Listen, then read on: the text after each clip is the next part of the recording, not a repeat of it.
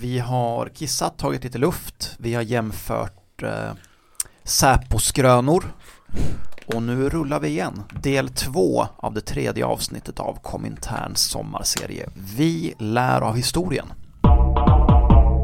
Komintern.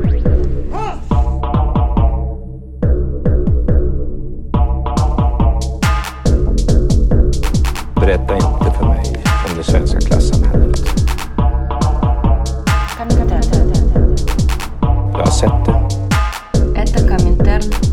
Växt upp i exportbidrag. Jag hatar det.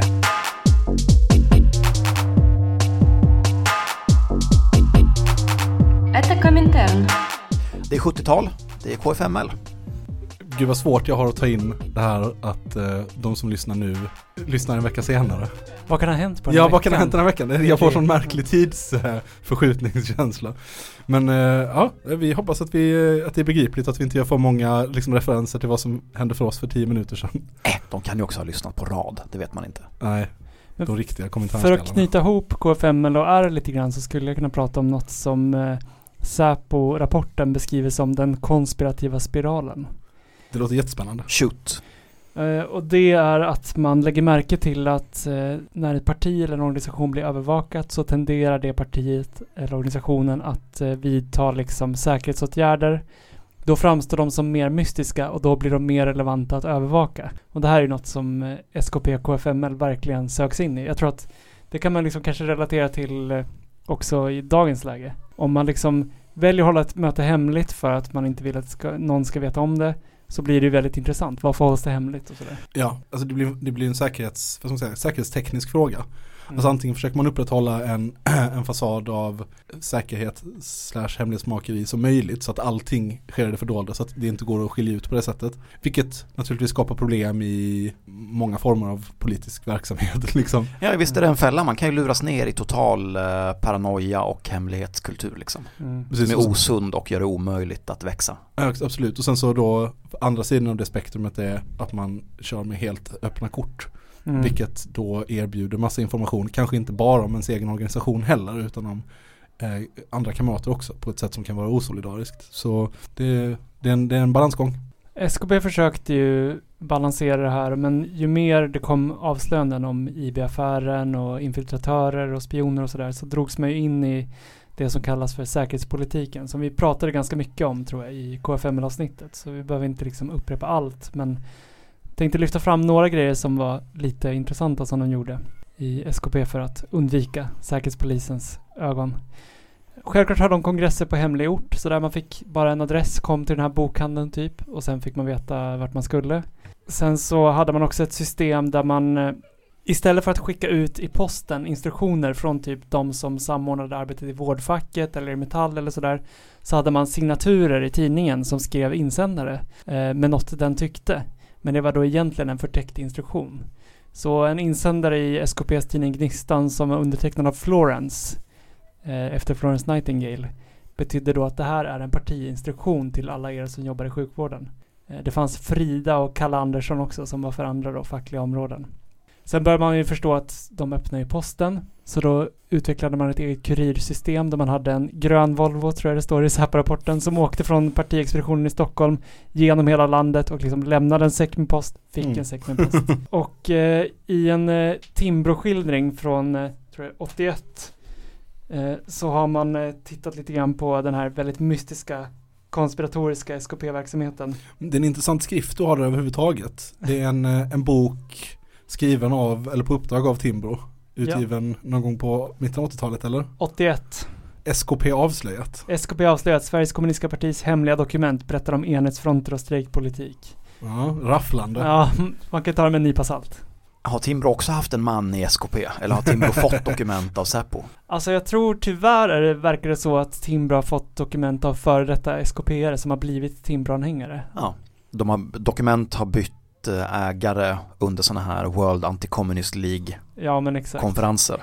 Det var ju inte så få ledande SKP-are som gick från att på 70-talet varit antisovjetiska maoister till att på 80-talet bli antisovjetiska börshajar typ. Mm. Eh, Demokratisk Allians hette de, den svenska sektionen av World Anti-Communist League som alltså samlade diverse högerextremt avskum samt en ung Magnus Uggla. Nej, Jo, det är sant. Mm. wow. Som hävdar att det bara var hans bror som var med det va? Han hängde bara på. Men vadå, gick han på, på möte då liksom och Stämmer? drack, drack någon, någon kopp kaffe och åt någon, eh, någon chokladboll? Jag tror att som många som vill ursäkta sin ungdom, antingen till höger eller till vänster, så hävdar han om att det handlar om att det bjöds på bärs. Mm, okej. Så mitten av 70-talet, slutet av 70-talet så får en vänsterfraktion i SKP makten och de trappar upp säkerhetspolitiken rejält. Det blir täcknamn, det blir hemliga möten för hela slanten. En från den andra sidan berättar då, ja, typ 30 år senare att det här satte fällor för dem. Säkerhetspolitiken, utrensningarna, mest fiende till den som är närmast. Vi utvecklades inte som organisation och vi saknade förankring i arbetarklassen. Allt detta ringande från telefonkiosker, allt blinkande med lampor till någon som bodde nära, bara för att fråga om hon kunde sitta barnvakt. Brev som skickades poste restante. Ja, så de var ju igång och eh, Timbro och får man ju då anta Säpo ser ju detta som tänker på att här är någonting riktigt skumt på gång. Just det, det är antagligen väldigt, väldigt stressigt att vara med om och när man sen kommer ur det så framstår det också som sinnessjukt kan jag tänka mig. Mm, Frågan är ju om det, var, om det var en medveten strategi, att man såg den här konspiratoriska spiralen och man bara, ah, det här är bra. Före detta medlemmar har ju berättat att de drogs mellan att tycka att det var helt knäppt till att faktiskt få svart på vitt bevis för att Säpo höll ju på att övervaka dem. Så. Och frågan är ju då om på medvetet läckte eller visade på sin övervakning periodvis för att Mm. driva på den här paranoian. Det är ju ett ganska bra sätt att få en grupp att framstå som helt knäpp. Det är ju en effektiv strategi onekligen, ja. Eh, Timbro kan då avslöja via handlingar från eh, Clarté och SKP eh, att på sommarlägren så pågick det citat en särskild träning i att vara hemlig och mystisk. Eh, man citerar en lägerdeltagare som berättar om eh, ja, ett sommarläger där man diskuterar säkerhetsfrågor första dagen. Man har omröstning om täcknamn. Sen skulle man också då lämna in alla identitetshandlingar, pass och sådär, till lägerledningen. Men sen kom de på att det inte fanns någonstans att låsa in dem på, så man fick riva upp beslutet. Istället skulle alla ha sina dörrar låsta och bära nycklarna på sig. Men sen var det ganska varmt, är sommar såklart, så eh, många vädrade med öppna fönster och då var det en annan partikamrat som en kväll smög sig in eh, runt i alla rum och länsade alla rum på identitetskort, medlemslistor etc. Chocken blev svår för många när en välfylld säck sedan tömdes inför alla närvarandes ögon i den stora samlingssalen. Så den här kamraten gjorde det för att göra en, Lära mig eh, läxa. En dramatisk poäng. Ja, exakt. Och sen gick in med en säck på frukost och tömde. Ja, precis. man får säga så. Aha! Ja, precis. Det är ändå ganska saftigt. Alltså, för, ehem, om, man, om jag var knyt, jag gjorde mig lite lustig över någon, någon eh, lite pajig historia om någon, med någon eh, så här Säpo-agent i Umeå, eller inte agent utan informant eller vad man ska kalla det, infiltratör. Alltså det ska sägas också, det här var en person som påstod att han hade gjort, begått över 50 inbrott i Mm. Umeå. Mm. Så att det här, den här misstanken om att eh, Säpo-agenter liksom bryter sig in i folks hem och snor, eller Mm. partilokaler och snor listor och sånt. 100% befogat. Ja, visst, alltså man, den här berättelsen från sommarläget får en lite annan ton när man sen läser i statens rapport att eh, så här såg fraktionerna ut i SKP 1981. Källa. Ja, vi åkte ut där de hade sommarläger, gick igenom sopsäckarna efteråt och pusslade ihop alla dokument. Jag vet inte vad grunderna idag måste vara för en så kallad tyst husrannsakan, men det är inte helt otänkbart att det sker fortfarande. Eh, Man trappade upp det i slutet av 70-talet i alla fall, den här säkerhetspolitiken, genom att också börja mörklägga partiledningen. Alltså alla använder täcknamn hela tiden. Man skulle ha olika täcknamn för olika funktioner i partiet. Så samma person kunde ha ett täcknamn som ledamot av VU, ett i partistyrelsen, ett tredje i något utskott och så vidare. Och eh, man kan ju då tänka sig att det här ledde till en del förvirring.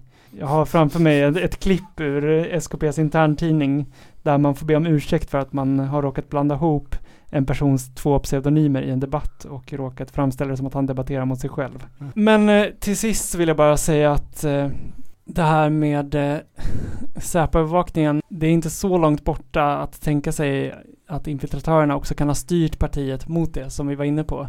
Eh, det finns ett exempel från Nederländerna eh, där då SKPs eh, broderparti, Nederländernas marxist-leninistiska parti, grundas 68 av en man som heter Peter Bové. De körde stenhårt på maoismen. Det var liksom svavelosande kritik i tidningen De Kommunist mot det officiella kommunistpartiet. Den här Bové blev hedersgäst vid en bankett som leddes av den kinesiska partiledningen och så vidare och så vidare. 89, där strax innan murens fall, så lägger de ner.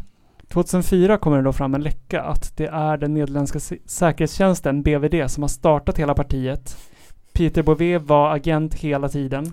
Samtliga nummer av tidningen skrevs av medlemmar i säkerhetstjänsten wow. och så vidare. Och det fanns aldrig mer än ett dussin medlemmar som liksom var då äkta medlemmar som inte kände till det hela. Och vi kommer ju framåt slutet av den här serien också blicka utåt i världen och titta på, på den här sortens exempel. Eh, som ibland blir outlandish och bizarra. Jan Guillou kan man tillägga odlar ju en eh, uppfattning om att ärrarna är samma sak. Han har en idé om att de är liksom en Säpo-produktion som är startade av Säpo och drivs av Säpo. Framförs också i någon av Hamilton-böckerna. Hamilton är ju gammal SKP-are och sådär. Hjälte liksom. Eh, och i något, någon av Hamilton-böckerna så säger han rakt ut att ja men KPML det är vår skapelse, den styr vi. Vilken funktion det nu skulle fylla idag. Men ja, okej. Om Jan säger det så. Jag tycker det är intressant när jag hör er tala, dels om KPMLR och sen om KFM eller senare SKP. Att båda de organisationerna verkar vara så oerhört medvetna om att de är övervakade och hanterar det på lite olika sätt.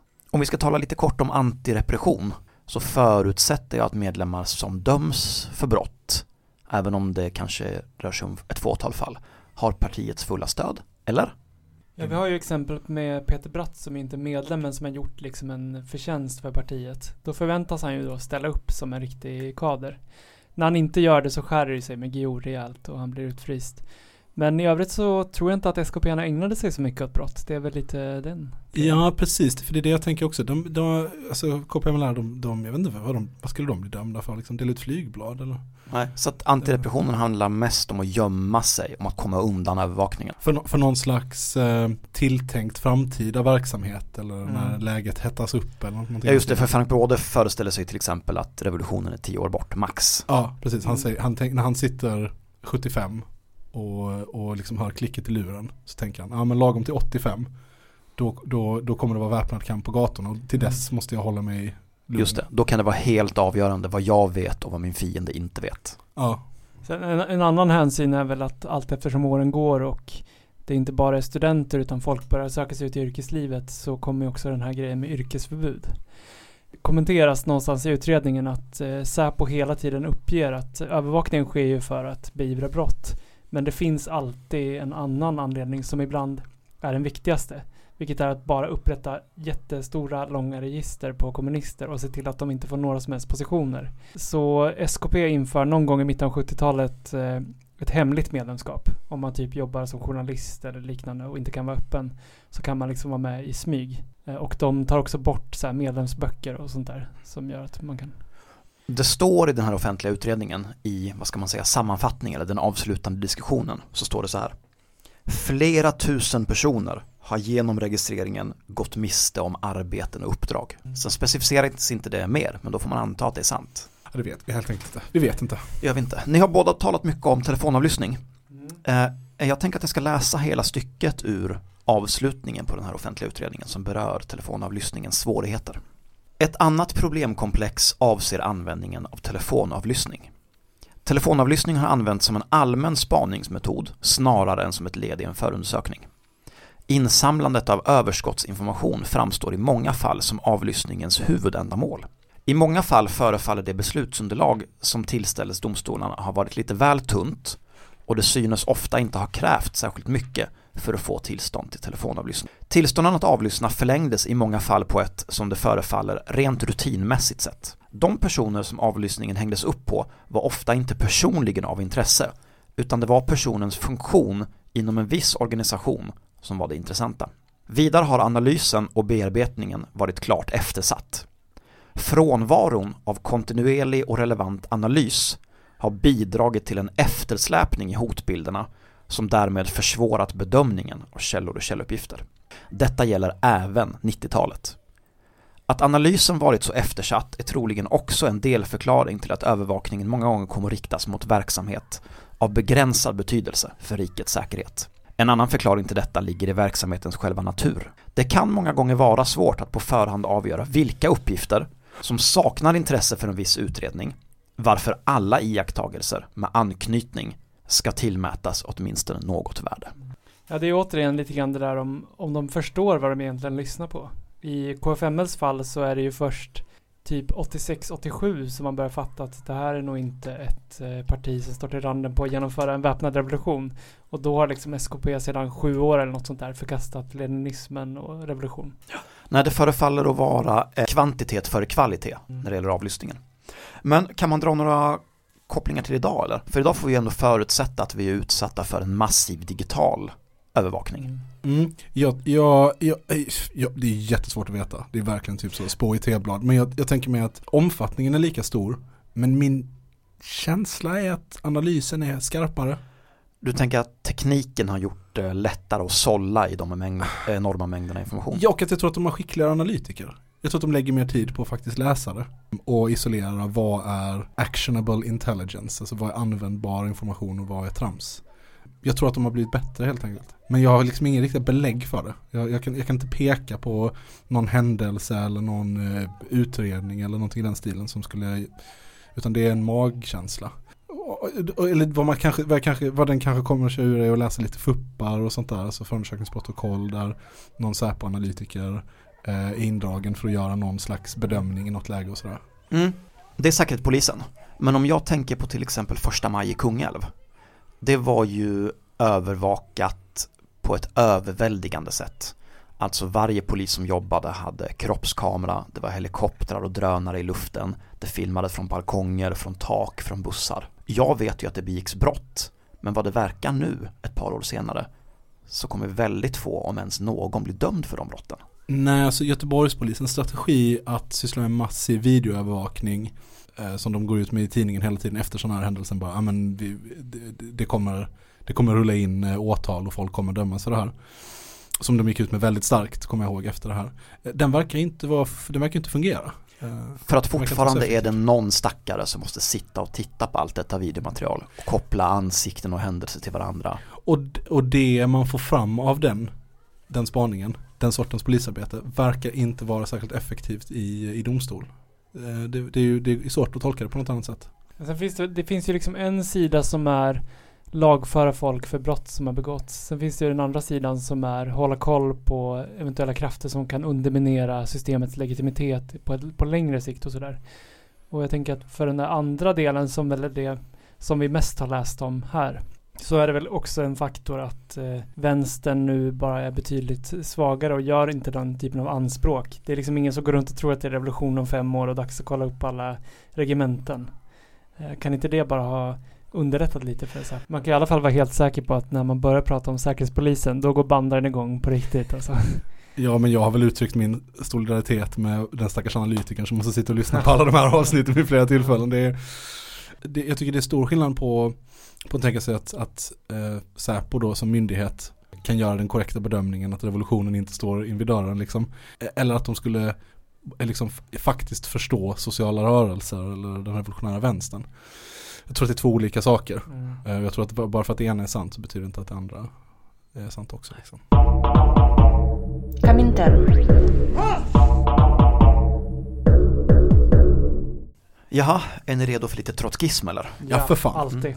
Delen i den här offentliga utredningen, Hotet från vänster, som handlar om de svenska trotskisterna. Den börjar med en så kallad sick burn. Trotskismen har varken i Sverige eller utomlands nått några substantiella framgångar. Sant eller ej, det finns en flora av trotskistiska grupper eh, och partier och de har varit på Säkerhetspolisens bord. Eh, Så vilka är spelarna här och på vilka grunder har de övervakats? Det tänker jag att vi ska ta oss igenom tillsammans.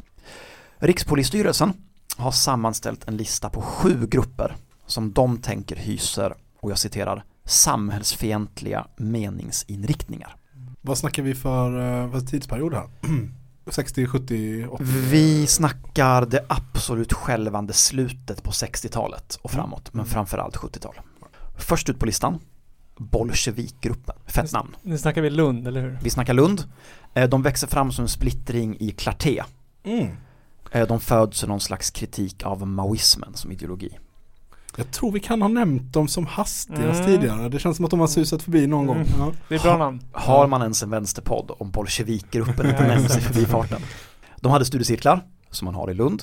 De gav ut två nummer av tidskriften Bolsjevik Och de tros ha haft ungefär 80 medlemmar i Lund och 40 sympatisörer i Stockholm. Rätt bra pinkat ändå. Ja, får man ändå säga. Ja. Endast vid ett tillfälle övervakas de av polis.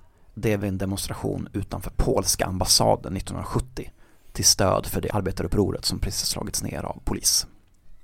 Man kan tänka sig att det var liksom rätt många som var satta på ärrarna och sen ett stort gäng på SKP-arna och sen kommer trottarna där också. Då har man inte så mycket man kvar att sätta på dem, eller hur? Men fan 80 ändå. Ja, ja, ja. Det, säger, det säger någonting om hur, eh, hur situationen, eller hur det ser ut i samhället då liksom. Mm. Eh, Sen har vi Fria fackföreningsfolket, FFF. Mycket sämre namn. Men det är alltså en facklig front som tillhör KFML. Och då tänker ni, men KFML, de Mm. är inte trottar. Men vid det här laget så är det lite bråkigt i KFML.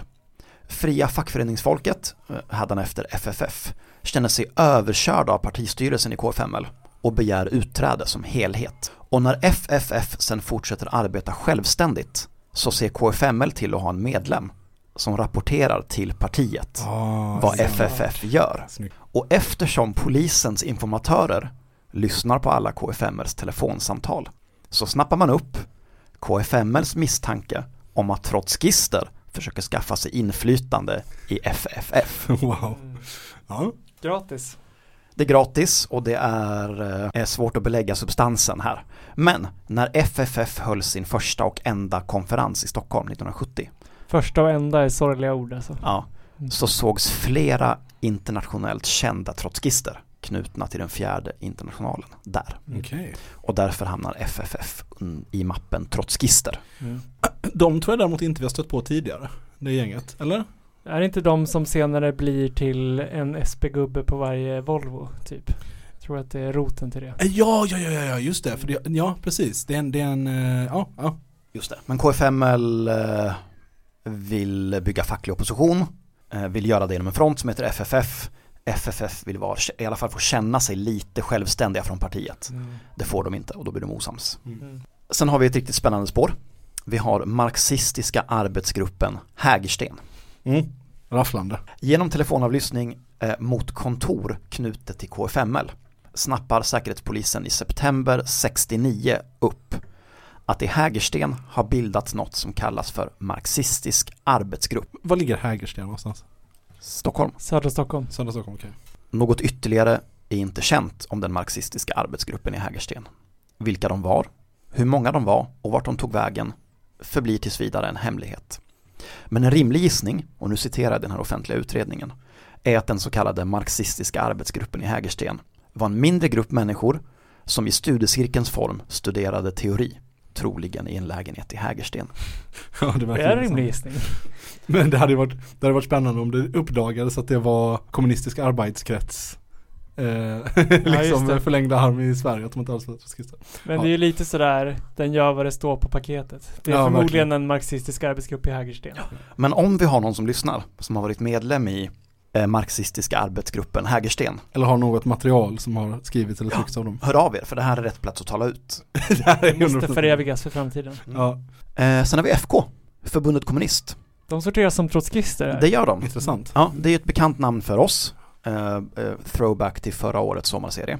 Och precis lika svårt som vi hade att sätta fingret på FK förra sommaren. Precis lika svårt har alltså Säpo med sorteringen. Eh, I Säpos register benämns de med ord som spontanister, solidariska med utländska terrorister, litet men relativt militant och, och det här är ett bra citat, med ett stänk av anarkosyndikalism. Slutcitat. Mm. Så FK är en liten spelare, rapporterna är ganska tunna, men de har i alla fall blivit sorterade som trotskister. Det verkar ju varit så här på slasktratt då på något sätt. Ja, Är det de där killarna i Hägersten och så de här FK-arna vi inte vet vad de sysslar med riktigt och så så, ja. Glasögon, check. ja exakt. De är inte maoister verkar det som. Nej men eh, förmodligen trottar då. ja. Det håller väl inte vi med om riktigt, men å andra sidan finns det inte så mycket mer material att gå på. Tror också att Mm. de skulle blivit ganska kränkta av den eh, etiketten. Ja, det kan man väl tänka sig. Revolutionära marxister, nästa Mm. namn på listan. Eh, Bildas 69, men blir egentligen inte intressanta för Säpo förrän de går ihop med några andra grupper ett par år senare. Och dit, Ja, bland annat Bolsjevikgruppen då. Exakt, och dit kommer vi att komma. Eh, sen finns kommunistiska arbetsgruppen, och då är det gruppen i singular. Så det räcker typ att en kille och hans hund sätter igång ett stencilformulär med något namn i Hägersten. Så, så fort två Så får man samlas. åtminstone en rubrik Ja. i rapporten. Det känns, ju, det känns ju hoppfullt för alla oss som har drivit diverse olika meningslösa Ja, vänstersekter visst. genom åren. Man känner att det är så tröstlöst, ingen kommer minnas det här men 30 år Men senare jo. så dyker det upp igen. Någon jävla mapp någonstans. Med ett fotografi. ja. Eh, sen har vi Revolutionära Marxisters Förbund. Och det är då en sammanslagning av tidigare nämnda revolutionära marxister och Bolsjevikgruppen, den här splittringen från Clarté i Lund. Eh, de kommer gå igenom lite namnbyten längs vägen, men 1982 kommer de sluta som vadå? Socialistiska partiet. Exakt, exakt, vilket de ju hette till förra året när de blev socialistisk politik och gick in i Vänsterpartiet. Eh, De förekommer ganska flitigt i Säpos papper, så jag tänker att det är där vi ska börja på riktigt. Aha, så det hela det här var bara en, eh, en preamble. Ja, det var ett par ganska tunna mappar i Säpos arkiv. Ja. Men nu har vi alltså lite, lite mastigare akter att gå igenom. Ja, Mm. det har vi. Eh, Själva övervakningen då, den börjar 1971. Den består av yttre spaning, insamlande av namn, eh, framförallt genom deras tidningar, rutinmässigt fotograferande av alla offentliga demonstrationer, noterandet av registreringsskyltar i samband med sommarläger och till viss mån interna dokument som måste komma från en så kallad meddelare. Det här känner vi ju igen. Mm. RMF, senare SP, lägger mycket krut på det fackliga. Pampväldet ska krossas, det ska byggas facklig opposition och att det intresserar socialdemokratin och LO, det är ju inte så konstigt. Men jag tycker att, som jag sa tidigare, att det är intressant att Säpo ser det som sitt uppdrag och hålla koll på allt arbete inom facken som riskerar att underminera LOs makt. Eh, men genom sin front då, facklig opposition, så lyckas de i alla fall väldigt bra på till exempel Volvo-klubbar runt om i landet och inte minst här i Göteborg. Och det noterar Säpo som skriver så här eh, om ett av uppropen som cirkulerar på Volvo Göteborg. Skriften är till sitt innehåll klart subversiv i sitt syfte att främst splittra Metall och i förlängningen hela den reformistiska socialismen. Och det ser Säpo som ett problem. Mm. Mm. Mm. Det klingar bekant från eh, SKP-hållet där man någonstans noterar att eh, SKP-arna ägnar sig åt eh, arbetsplatsaktioner och eh, kanske till och med våldsamma protester som går utanför LO-facken och det avtalsbundna. Det är liksom extra beklämmande. Det ser man ju i övervakning av KP-MLR också. Eh, När jag läser trotskismkapitlet så kan jag inte låta bli att tänka att det finns en viss värderande ton. Eh, Och jag föreställer mig att samma handläggare som har hand om trotskisterna även läser vad stalinisterna, maoisterna säger om trotskisterna. Här finns ett intressant utdrag till exempel. När RMF då i Umeå 1977 har börjat agitera på vårdskolan, bland annat genom att starta en tidning som heter Röd injektion, Ah. vilket är ett otroligt namn. Då noterar Säpo Innehållet belyser tydligt hur listig trotskismen hur listigt trotskismen i små missnöjesdoser försöker leda in berörda i en klassvirvel. Virveln igen. Vi är tillbaka i virveln. De tänker i virvlar. Frågan är om det finns någonting i, eh, i den trotskis- trotskistiska praktiken och eh, liksom språkbruket som gör, den, eh, som gör att den tilltalar eller skrämmer den här sortens Säpo-människor mer än, än övrig vänster. Jag tänker att de har läst att eh, KPMLR till exempel beskriver trotskisterna som särskilt eh, listiga och förrädiska. Ja, det måste ligga någonting i det. Jag undrar också lite, jag spekulerar lite grann i om det kan finnas en hierarki på Säpo.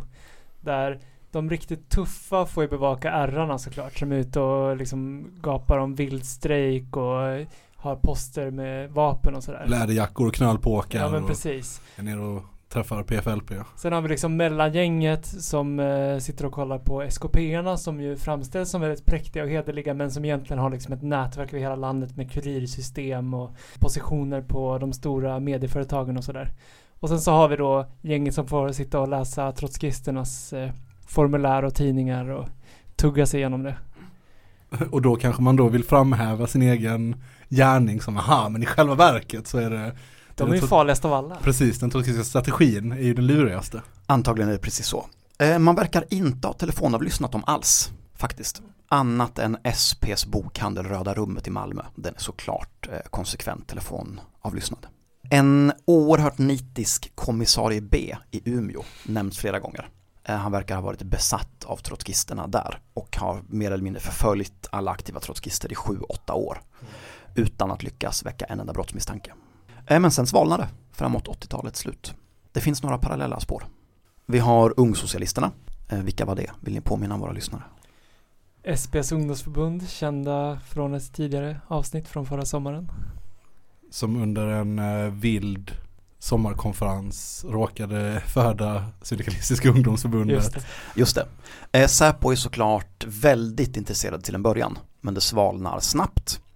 Inte ens då dödshotet mot Carl Bildt eh, väcker någon uppmärksamhet eller? Nej, tydligen inte. Vi har såklart den här incidenten med ungsocialisten som gör inbrott i ett vapenförråd Just det. och under flykten angriper polis med automateld och handgranater. Och blir utesluten för det. Det blir han och polisen drar omedelbart slutsatsen att dådet är helt opolitiskt. Så inte ens där lyckades trottarna få lite street cred med andra ord. Nix. Eh, Och sen har vi Pathfinder-tendensen. Mm. Ja, Det här, I, my interest is peaked. Svante nickar igenkännande Ja, och visst. både jag och Gaspar eh, exalterade men, men okunniga. Ja. Eh, Så här mycket kunde jag läsa mig till i Säpos papper. Det är 12 medlemmar som utesluts ur SP 1989. De öppnar en bokhandel i Vasastan i Stockholm där Säpo gör ett antal rekognoseringsbesök under 90-talet innan de konstaterar att Pathfinder verkar leva en isolerad och oerhört sekteristisk tillvaro. Mm. Berätta mer, vet du mer om det här? Ja, eh, det är då... Shoot, kör! De är anhängare av det amerikanska trotskistpartiet Socialist Workers Party som en gång i tiden var trotskismens krona kan man säga men som på 70 80-talet eh, blev lite glada i tredje världen och började hylla Kuba och eh, Thomas Sankara och Angola och sådär. Och det fanns då en minoritet i Socialistiska partiet som gillade dem, som gick ur. Jag har hört rapporter om att eh, den här uteslutningen var så pass vänskaplig att de ändå stannade på kongressfesten och söp ihop med de andra. Naturligtvis. Ja. Ja. Eh, och sen så hade man då uppfattningen om att man måste inbädda sig djupt i proletariatets nyckelområden och i Sverige, som i många andra länder får man säga, Bokhandlar. var det Vasastan. eh, faktiskt inte utan eh, slakterier. Så samtliga tog anställning i slakthusområdet i Stockholm. Man flyttade sin bokhandel dit. Eh, man utmärkte sig lite får man ändå säga genom att sälja konsekvent sin amerikanska då moderpartis tidning Militant på engelska. Så den som besökte en demonstration i Stockholm mellan då, ja när det nu var, 89 till kanske 2010 kunde alltid möta på några med eh, eh, senaste nytt om någon kolgruvarbetarstrejk i Utah eller liknande. Varje vecka. Två saker slår mig. Jag har, jag har två um, spaningar och en fråga. Spaning ett. Ändå att man så sent som 89-90 kunde vara 10 pers och bara smälla upp en jävla bokhandel. Ba- Och sen så kan den pågå i flera år. Och att man så sent som 89-90 kunde bestämma sig för den här industrin ska alla vi ta anställning i och sen så bara kunde man göra det. Precis. Det har vi pratat om i tidigare avsnitt. Det märks ju också bland SKP-arna. De eh, har interna annonser i sina tidningar om eh, flytta till den här orten och ta jobb här och här. Partiet behöver dig. Vi fixar utbildning och sådär. Det är så märkligt att extremhögern har den här idén om att vänstern på olika sätt infiltrerar jag vet inte, mediasfären och universitetsvärlden när de enda så här koordinerade försöken att infiltrera någonting har varit slakterier och sågverk typ. För några år sedan så var de nere på så få människor att man fick eh, uppmuntran slash order, jag ska väl inte säga för mycket, jag vet inte. Men man uppmuntrades i alla, alla fall att ansluta till en annan sektion. Så att de här människorna som var drivande bor numera i Storbritannien och jobbar på slakthus där. Ambulerande slaktare. Men man måste, vänta, vänta, vänta. Det här knyter an till frågan jag hade. För det är alltså amerikanska SVP som de är kopplade till. Vad är deras relation till brittiska SVP? Alltså de är med i samma international, Ja. Pathfinder-internationalen. Om jag är kommunist? Nej, jag är väl mer en Pathfinder, Det- som jag brukar säga. Det är rätt häftigt faktiskt. Det är bra namn. Ja, nästa Men sidospår. vänta, vänta, vänta, vänta. Okej, bara en liten. Det slog dem aldrig att kalla sig för stigfinnare. Oh, Det, det tycker jag är ganska coolt att vara, jag, jag är inte kommunist, stigfinnare. den upplysta stigen Den- kanske, Gary Levinos. Precis. För att göra saker och ting ännu mer snurrigt. Eh, Nästa sidospår, eller hängmapp som det heter på Säpo-språk. Arbetarmakt. Eh, Det är den så kallade motströmmen-tendensen som bröt sig ur SP 1994. Och eh, Säpo läser deras tidning med samma namn. Det är väl typ det man gör va? Man noterar att de får si så många procent stöd på SPs kongress och sen så stoppar man några nummer av tidningen i en hängmapp. Och sen sluts akten. Mm. Vet Mm. inte mer. Tills den skulle öppnas igen i samband med en podcastinspelning 2020. Många år senare. Ja. Dammas av. Eh, Nästa spår. Bekant namn. Offensiv. Offensiv är då först en vänsterfraktion i SSU. Inspirerade av brittiska Militant. Tar sin början 1977.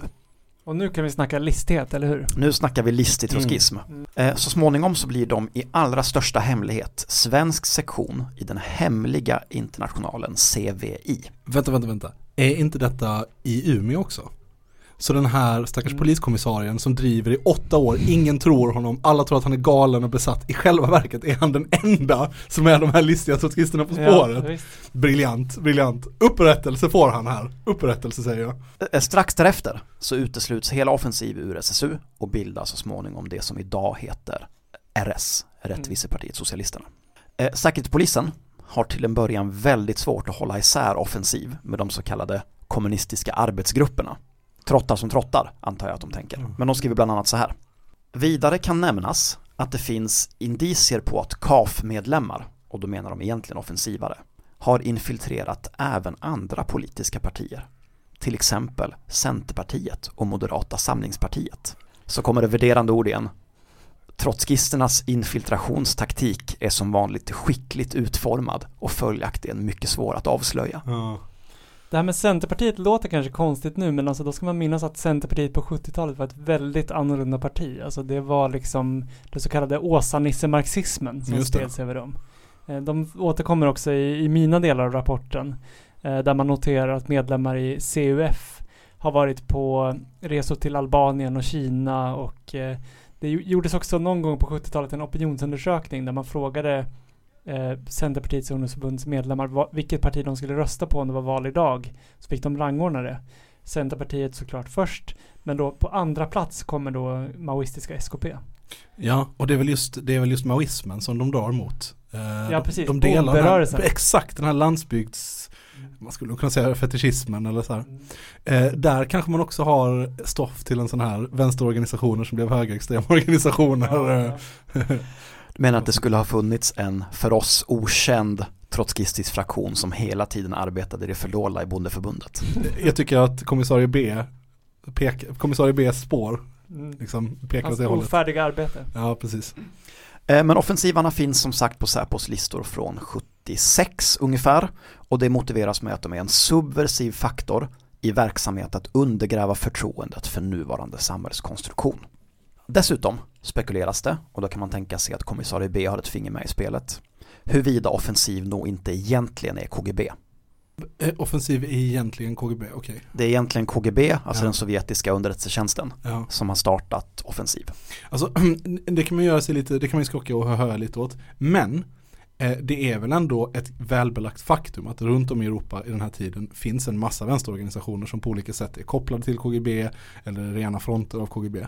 Är det inte lite märkligt om det inte finns en sån operation i Sverige också? Och, Jo, i avsnitt, avsnittet om SKP KFML så utgår man från att det var utländska spioner med i leken också. Till exempel så ägnade SKP större delen av andra halvan av 70-talet åt att väldigt noga kartlägga Sveriges eh, militär och eh, militära förs- försvarsberedskap. Det motiverades då på den tiden av att SKP hade blivit försvarsvänliga för det största hotet kom ifrån Sovjet och sådär. Men eh, i skriften från eh, den statliga utredningen så noterar man att det här är egentligen inte så intressant för SKP-erna hur liksom de olika förbanden ser ut och spaningar och sådär. Eh, och man spekulerar i att det ka- kan ha funnits en eh, KGB-agent högt uppsatt som dirigerade det här. Mm. Ibland anklagas väl till exempel tidigare nämnde Jan Guillou för att ha varit KGB-agent hela tiden. Mm. och det tror jag han blir upprörd över i den här senaste artikeln när han går ut mot Doku. Eh, framförallt är det då den nitiske kommissarie B i Umeå som håller koll på offensivarna. Men på hösten 1983 så får Säkerhetspolisen en källa, troligen verksam inom SSU Göteborg. Och den här källan förser Säkerhetspolisen med en lista över samtliga offensivare som då precis har uteslutits ur SSU. Vid varje namn fanns personnummer, uppgift om vilken SSU-klubb de har tillhört samt datum för uteslutning. Och listan överförs i sin helhet till Säkerhetspolisens kontrasubversionsrotel. Kontrasubventionsroten, vilket ställe. Mm, verkligen. Kompis med sossarna.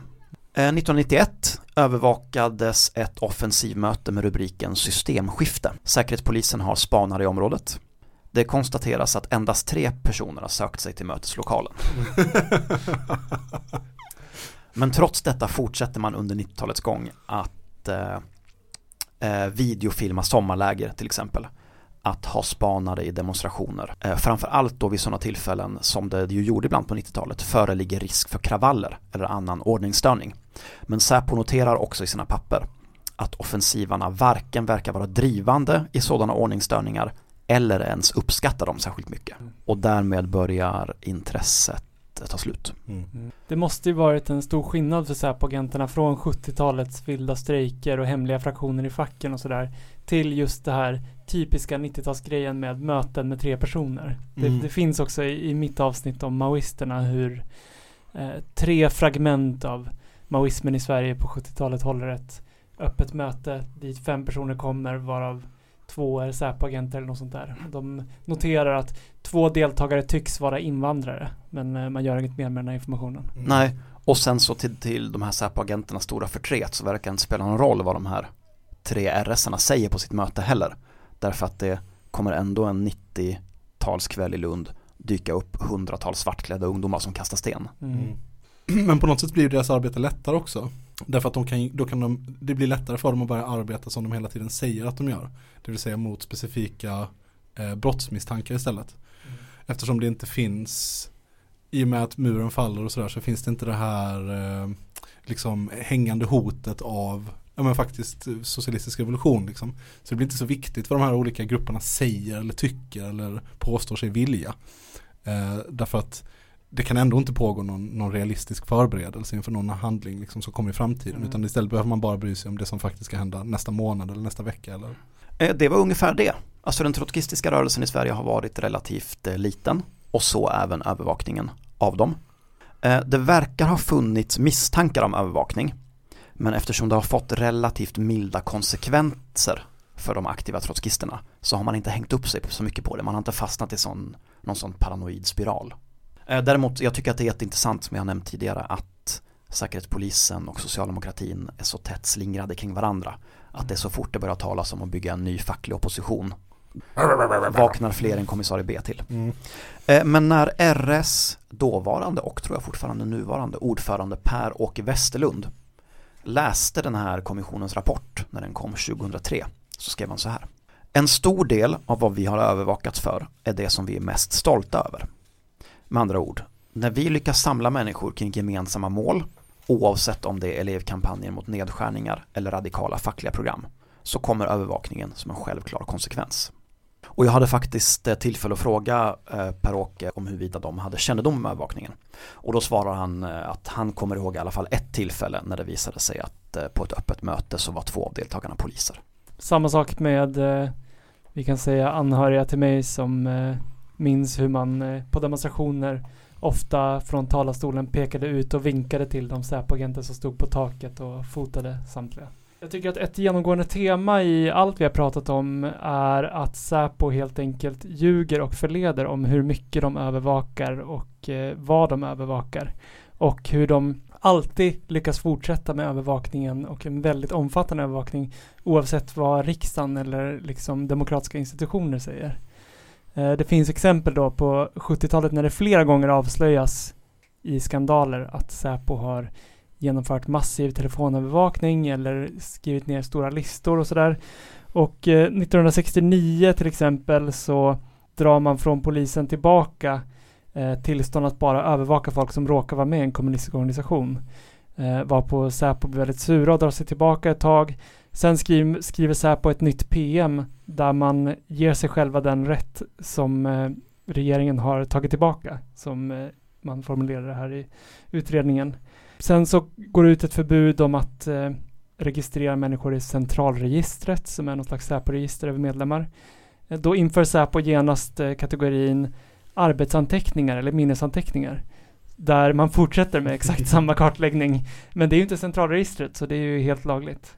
Eh, och så där håller det bara på. En någonting som gör den här periodens övervakning intressant är ju att det faktiskt är ett fåtal personer som har fått eh, Eh, upprättelse och skadestånd genom långa, efter långa processer i EU-domstolen. Eh, ska nämnas att de fortfarande i väldigt få fall har fått ut dokumenten, men Säpo erkänner att de har åsiktsregistrerats. Det vill säga de har registrerats utan, eh, utan någon brottsmisstanke eller utan någon annan grund än att de har varit övertygade kommunister. Jag tror att det är 110 personer som har ansökt om sådana här skadestånd för åsiktsregistrering under 60 och 70-talet och det är 12 som har fått det.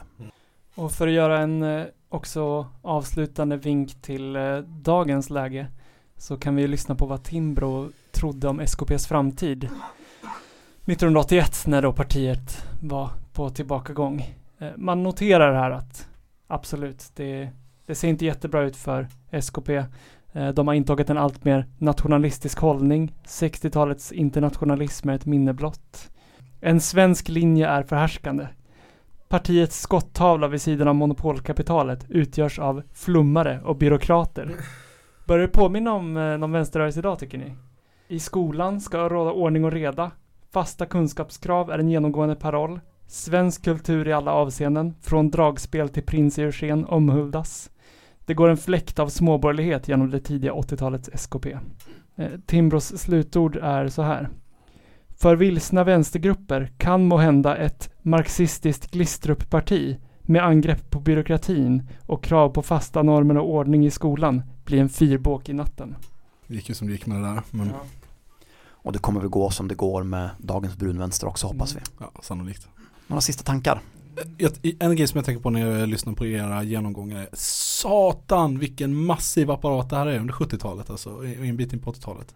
Det måste ju handla om ja, men, alltså tusentals timmar eh, inspelad, inspelade samtal, eh, tusentals fotografier, gud vet hur många registrerade namn, bilar. Det, alltså det är ju, jag, jag vågar inte ens spekulera i hur många personer som måste ha jobbat heltid med det här runt om i landet. Men Aha, för att eh, det nämns ju i rapporten här att efterarbetet och analysen har varit kraftigt eftersatt. mm, Så kanske var de mycket färre än de som faktiskt stod och tog dessa ändlösa Mm, fotografier. För att inte tala om liksom lyssna på progressiva radioutsändningar och spekulera i vad de kan fylla för funktion efter revolutionen. Ja, ja det är ju en, men, men även om man inte gör så särskilt noggrant efterarbete, även om man vet att informanterna mest lämnar in skit, eh, där man bara plockar ut det bästa för att få mer pengar, så är det ändå en fruktansvärt stor apparat som man har haft igång. Mm. Ja, men något som slår mig är väl lite grann hur, eh, hur man förhåller sig till vad vi med modernt ord skulle kalla för metadata. Alltså jag tror att folk framträdde nog ganska villigt i diverse kommunistisk press eh, sent 60-tal, tidigt 70-tal. Eh, du uttalar dig i någon fråga, ditt namn trycks med en bild och då är man ju fullt medveten om att det kanske blir 200 personer i landet eller något, eller 1000 som köper den här tidningen och ser mig. Sen slängs det i en pappersåtervinning. Eh, Men eh, när Säpo samlar in det så kan det ju sparas för all framtid såklart. Och i våra dagar så tänker jag att det är ett helt annat läge där man, om man framträder med namn och bild, mycket lätt, lätt kartläggs, inte bara av säkerhetstjänster utan också av politiska motståndare. Klickar jag kommer på Facebook eller någonting liknande. Ja, i bästa fall, eller om man ska bästa fall, alltså, eh, det räcker väl med att man dyker upp på något fotografi på någon demo, så är det ju säkert någon som sitter och, någon Säpo-agent som sitter och sparar ner alla de grejerna. Liksom. Eh, och, och, och försöker pilla ihop namn med bild och sådär. Men med det sagt va, innan man som organisation eller vängrupp sluter sig fullständigt i en paranoid säkerhetskultur. Tänk igenom det. Mm. Fundera på vad det är ni vill göra och vill åstadkomma först. Är det vad vi lär oss av historien idag eller? Tror det. Ja, Mm. det börjar bli varmt och svår eh, tungrot och andras här inne så Mm. vi kanske får packa ihop. Eh, Stort tack för att du var med i år igen Svante. Ja, Tack, det var kul. Och så Mm. hoppas jag att vi hörs i ett EAP specialavsnitt Ja. någon gång Mhm. snart. Verkligen. Alright, det här var Kominterns eh, sommarserie Vi lär av historien. Eh, Vi återkommer snart med nästa avsnitt. Ha det bra. Hej då. Hej hej!